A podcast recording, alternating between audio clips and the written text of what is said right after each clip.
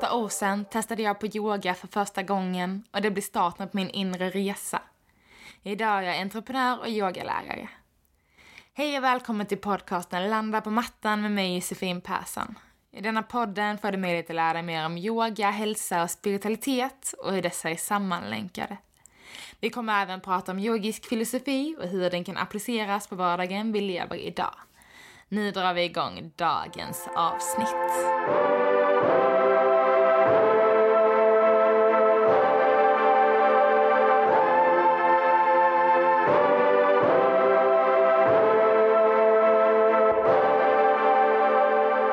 Ett yogapass är ofta uppbyggt på liknande sätt.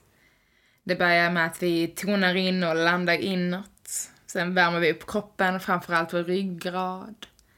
Vi kommer till den mest fysiskt krävande delen av passet för att sedan landa in i en avslappning och stretch och slutligen vår shavasana där vi vilar på rygg.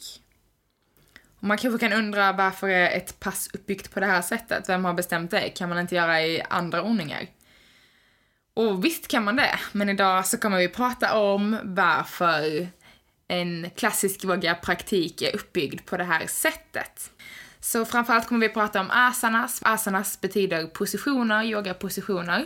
Men så vi kommer gå igenom lite av de vanligaste positionerna, men framförallt kommer vi gå igenom de här olika delarna av positioner, olika typer av positioner.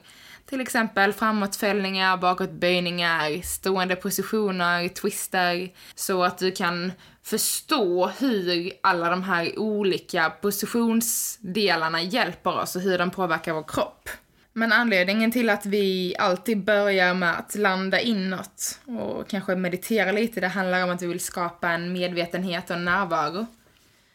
Vi faktiskt kan, även om det är svårt, ta de där första andetagen i början av passet. bara handlar om att skifta fokuset lite inåt, fokusera lite mer på vad som händer inuti kroppen, inuti hjärtat, magkänslan. Hur känns det? Och vi vill också då såklart börja värma upp kroppen väldigt mjukt och lugnt för att inte skada oss för mycket. Och det är ofta som man kanske ska visa någon cool position någon gång eller att man vill, ja men jag ska gå in direkt för idag ska jag träna på bryggan, full brygga i bakåtböjning och då kanske vi går in i det direkt. Men det är väldigt farligt för vi kan skada oss. Så att värma upp kroppen oavsett, och det gäller alla träningsformer. Det är alltid viktigt att värma upp kroppen så den känner sig varm för då har musklerna mer syreenergi och det pumpas mer blod runt om i kroppen vilket gör att vi dels får mer energi men också att vi är varma och mindre risk att dra i de delarna som är mer känsliga. Så om våra musk muskler är varma så kan vi dra i dem och det är det vi vill. Vi vill sträcka och komprimera våra muskler istället för att dra till exempel i senor och leder som sitter vid knäna, armbågar, axlar. Kroppen väljer att ta den enklaste vägen. Den väljer att dra i senor och i leder ifall det är så att den inte har möjlighet att dra i muskeln. Så är muskeln för tight så kommer kroppen automatiskt välja den lättaste vägen. Och därför har vi en väldigt stor vikt vid uppvärmningen. Och det är alltid stort fokus på ryggraden i våra uppvärmningar. Och det sägs även att i ryggraden så sitter eh, vår ålder. Så beroende på hur eh, flexibla vi är i vår ryggrad, desto yngre är vi, kan man säga. och det är inte, det är inte helt sant, men det ligger väldigt mycket i en rörlig ryggrad, visar också på ett dels rörligare liv, men också att vi faktiskt låter allt som kommer in i oss i form av gifter som vi får från luften, kläder, avgaser, allt vi liksom rör vid och mat också. Det sätter sig i kroppen, det som vi inte alltid ska ha i oss. Och mycket sätter sig just runt eh, överkroppen i ryggraden och även musklerna i benen och sådär, men de rör vi oss mycket oftare.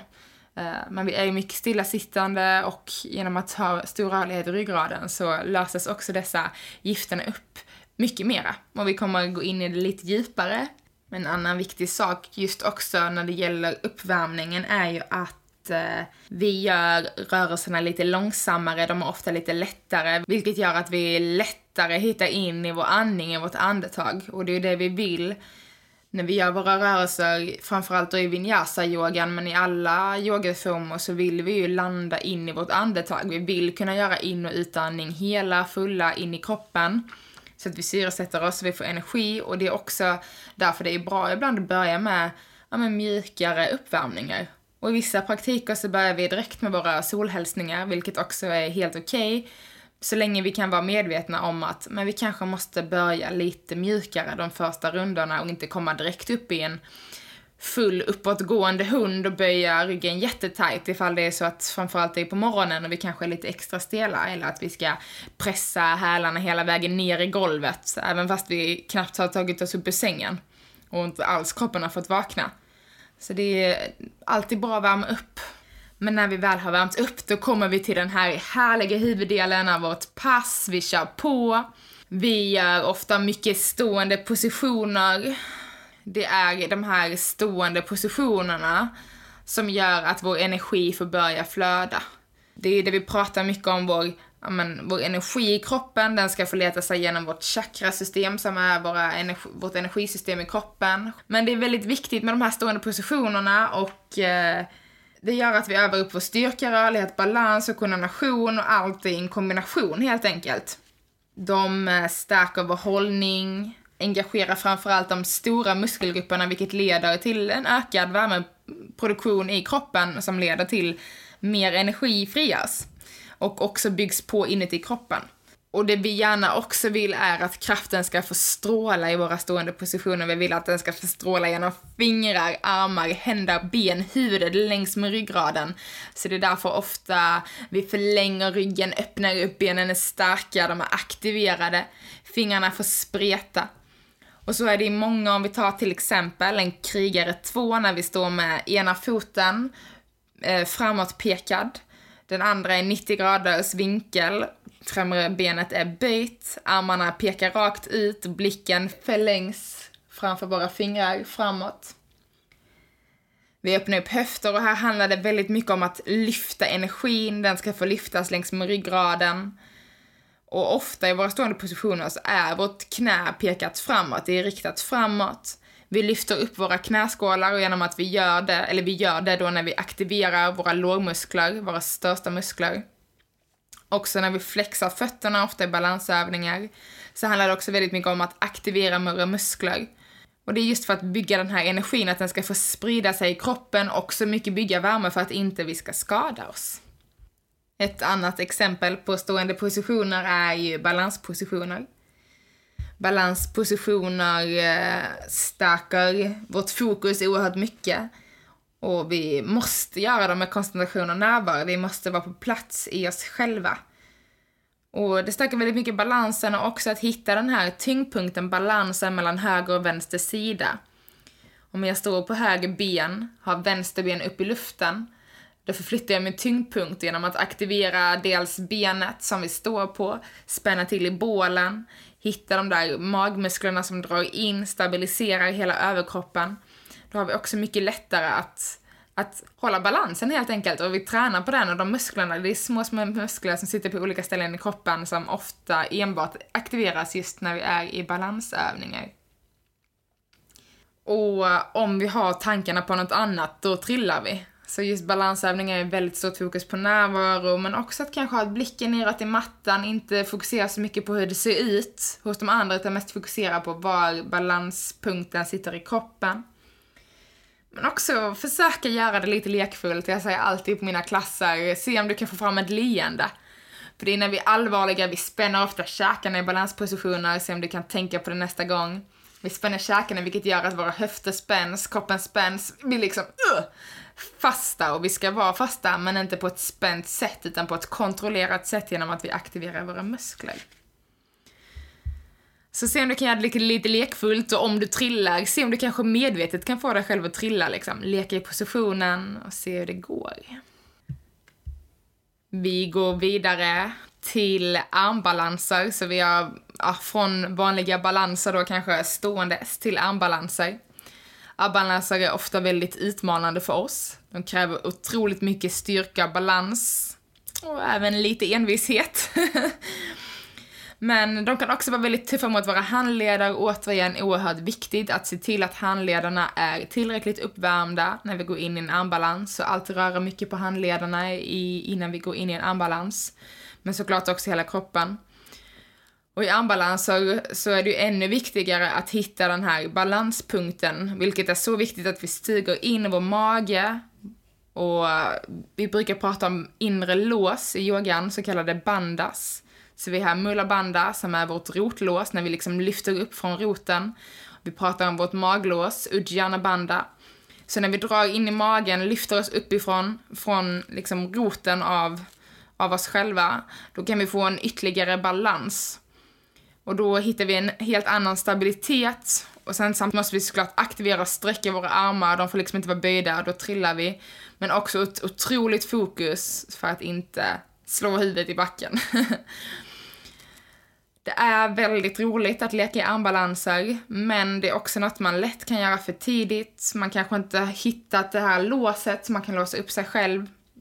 Men det är något man kan träna på hela tiden genom att till exempel känna vad händer när jag lyfter naveln inåt och uppåt. Så inte bara dra in naveln utan dra in och upp. Se ifall du kan känna en skillnad på din stabilitet i magen bara genom att sitta ner. Så vi kan göra det en gång tillsammans. Så du andas in Fyller upp magen med luft. Andas ut och samtidigt som du andas ut tömmer luften, trycker naveln inåt, inåt, inåt och sen uppåt. Så naveln går in och upp nästan som ett J. Du håller kvar det här spännet i magen samtidigt som du fortsätter andas. Men även fast magen är spänd, naveln är inåt, så förflyttar sig andetaget och det börjar flyttas mer upp i bröstkorgen men även bakdelen av ryggen. Så det är där vår andning hamnar. Vilket ofta, ofta är en del av lungorna som inte utnyttjas lika mycket utan vi oftast andas vi antingen i halsen eller bröstkorgen, sällan i magen eller bakdelen av lungorna ryggen. Så se om du kan flytta andetaget ditåt istället. Ambalanser kan vara lite läskigt och skrämmande och vi kanske inte alltid är helt redo för det, speciellt inte i början av vår praktik. Men det kommer så småningom. Något som jag alltid rekommenderar är att vi gör bakåtböjningar vi öppnar bröstet och bröstkorgen, vi stärker ryggen och det är ofta en kontrast till väldigt mycket annat som vi gör. När vi gör en bakåtböjning är det viktigt att fördela trycket jämnt över ryggens kotor så vi alltid försöker öppna upp i bröst och sen också magen så vi förlänger i princip ryggen även fast vi gör en böjning i den, vilket är jätteviktigt. Så alltid när du gör en bakåtböjning, förläng ryggen, andas in, huvudet går upp, upp, upp och sen böjer vi. Vi vill inte heller ha så stor svank så det är som att vi försöker liksom trycka tillbaka höften, bäckenet. Spänna höfterna, den ska vara grundad och stabil. Samtidigt ska nacken vara neutral, vi ska aldrig lägga för mycket press på vår nacke i bakåtböjningar, utan det är ju faktiskt bryggen och, och framförallt bröstryggen som vi böjer i. Så inte för mycket ländrygg, inte för mycket svank, där är vi väldigt svaga, utan det är bröstryggen där vi har stora muskler som kan lyfta oss upp och hjälpa till. Och uh, ett vanligt uttryck är I bend so I don't break. Men varför säger vi det egentligen? Men det handlar om att vi behöver göra mer bakåtböjningar än vad vi egentligen gör. Vi behöver liksom balansera vårt framåtböjda liv, om jag säger så. Vi sitter alltid Eh, vi sitter inte alltid, men ofta i jobbet, de flesta av oss vi sitter ner framför en dataskärm, får ganska dålig hållning, axlarna kryper fram, ryggen rundas, nacken nacken liksom blir gamnacke, vi sticker fram huvudet. Och för att försöka motverka denna positionen som sätter sig mer och mer i kroppen, det är liksom så vår hållning blir, det är så vårt, vår muskulatur och vårt skelett börjar anpassa sig efter den här formen. Därför är det väldigt viktigt att vi faktiskt får till de här bakåtböjningarna och visar vår kropp att nej du, jag tänker inte vara framåtlutad, jag kan också visa att jag kan öppna upp bröstet. Och det handlar inte bara om att komma in i en stor brygga liksom och gå ner i brygga, utan bara att öppna upp bröstet, hjärtat. Det också, kan också vara väldigt jobbigt just med bakåtböjningar för att vi öppnar upp bröstet och hjärtat och halsen och det kan nästan kännas som att vi blottar oss själva. Och det kan vara väldigt jobbigt av den anledningen att göra bakåtböjningar och det är något man inte får glömma. Det bygger man också dels mer och mer självförtroende när man känner sig tryggare i det, sen att man kommer in i mer och mer.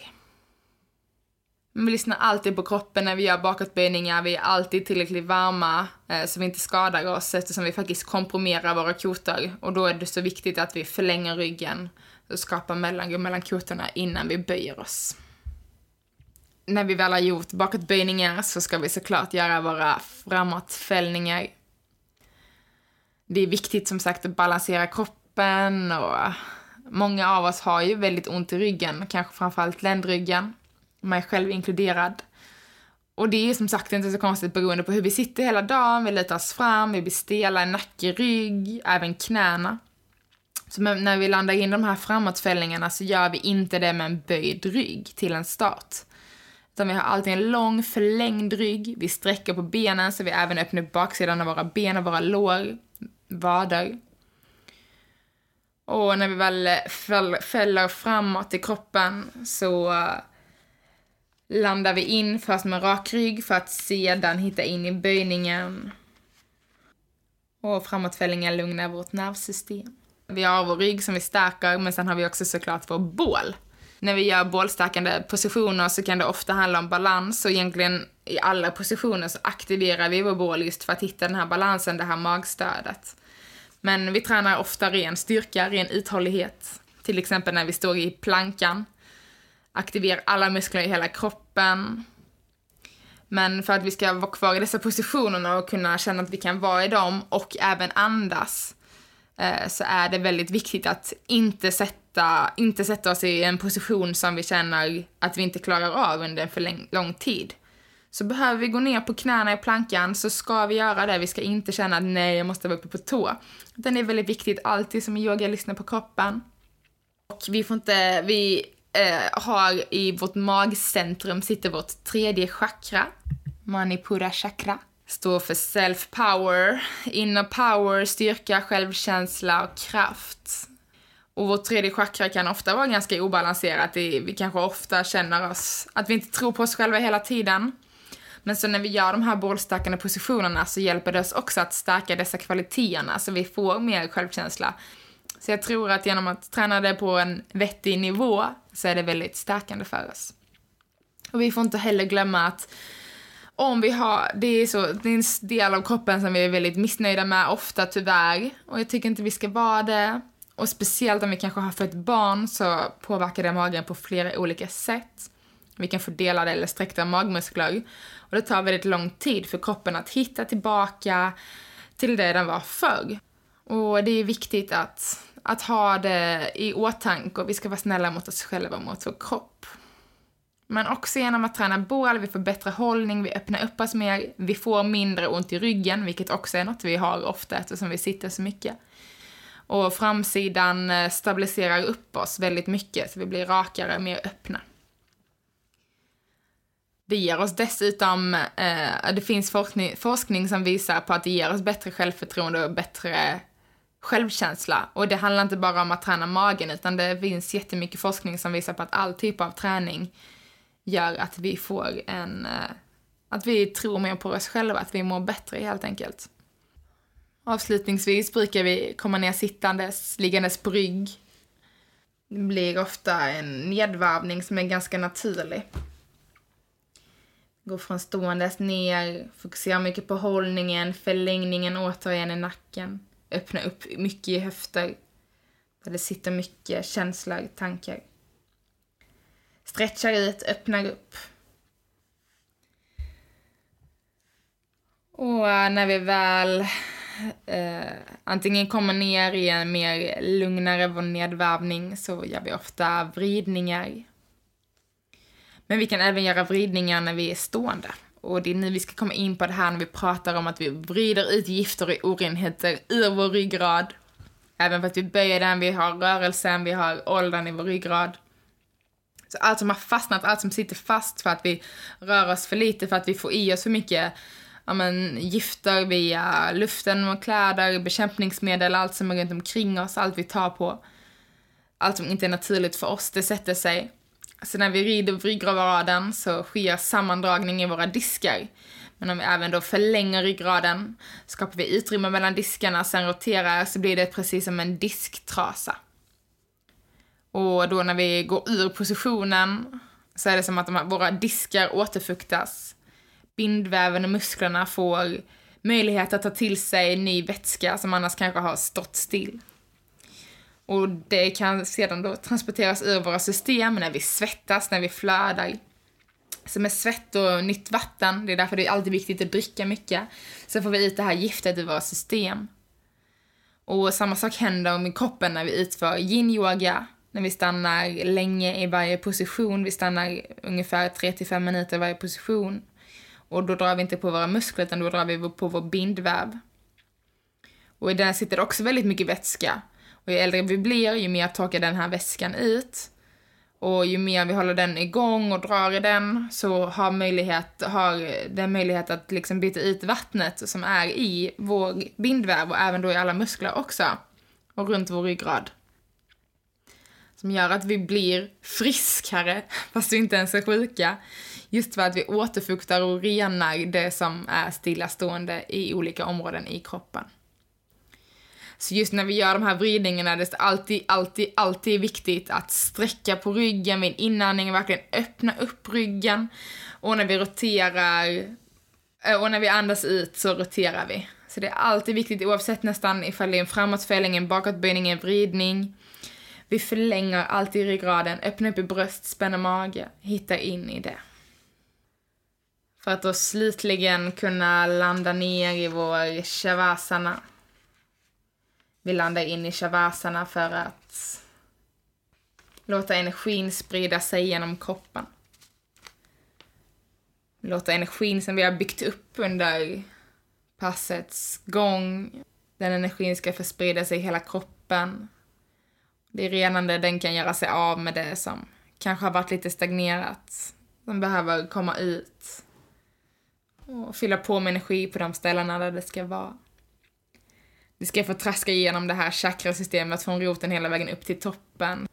Kan jag stanna upp och bara ligga rakt upp och ner i några minuter och andas?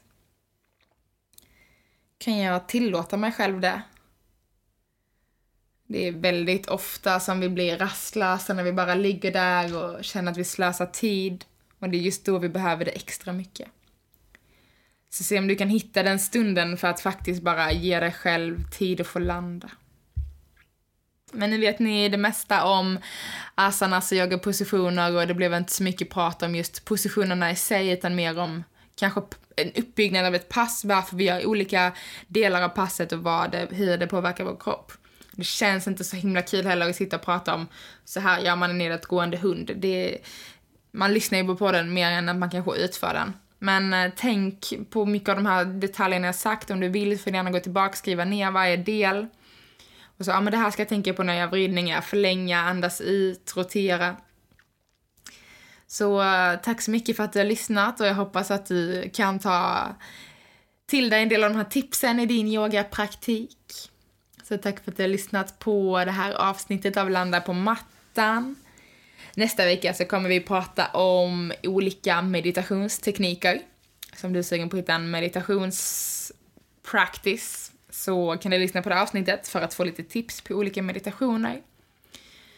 Och eh, kan jag även tillägga att snart så kommer du kunna yoga med mig på dels min hemsida men de kommer även finnas på Youtube. Eh, så det ser jag väldigt mycket fram emot att få lansera så att ni kan yoga med mig. Vill ni komma i kontakt med mig så hittar ni mig på min Instagram, Studio. Så får ni ha en riktigt fin vecka som vanligt och ta hand om dig så hörs vi snart igen. Puss och kram!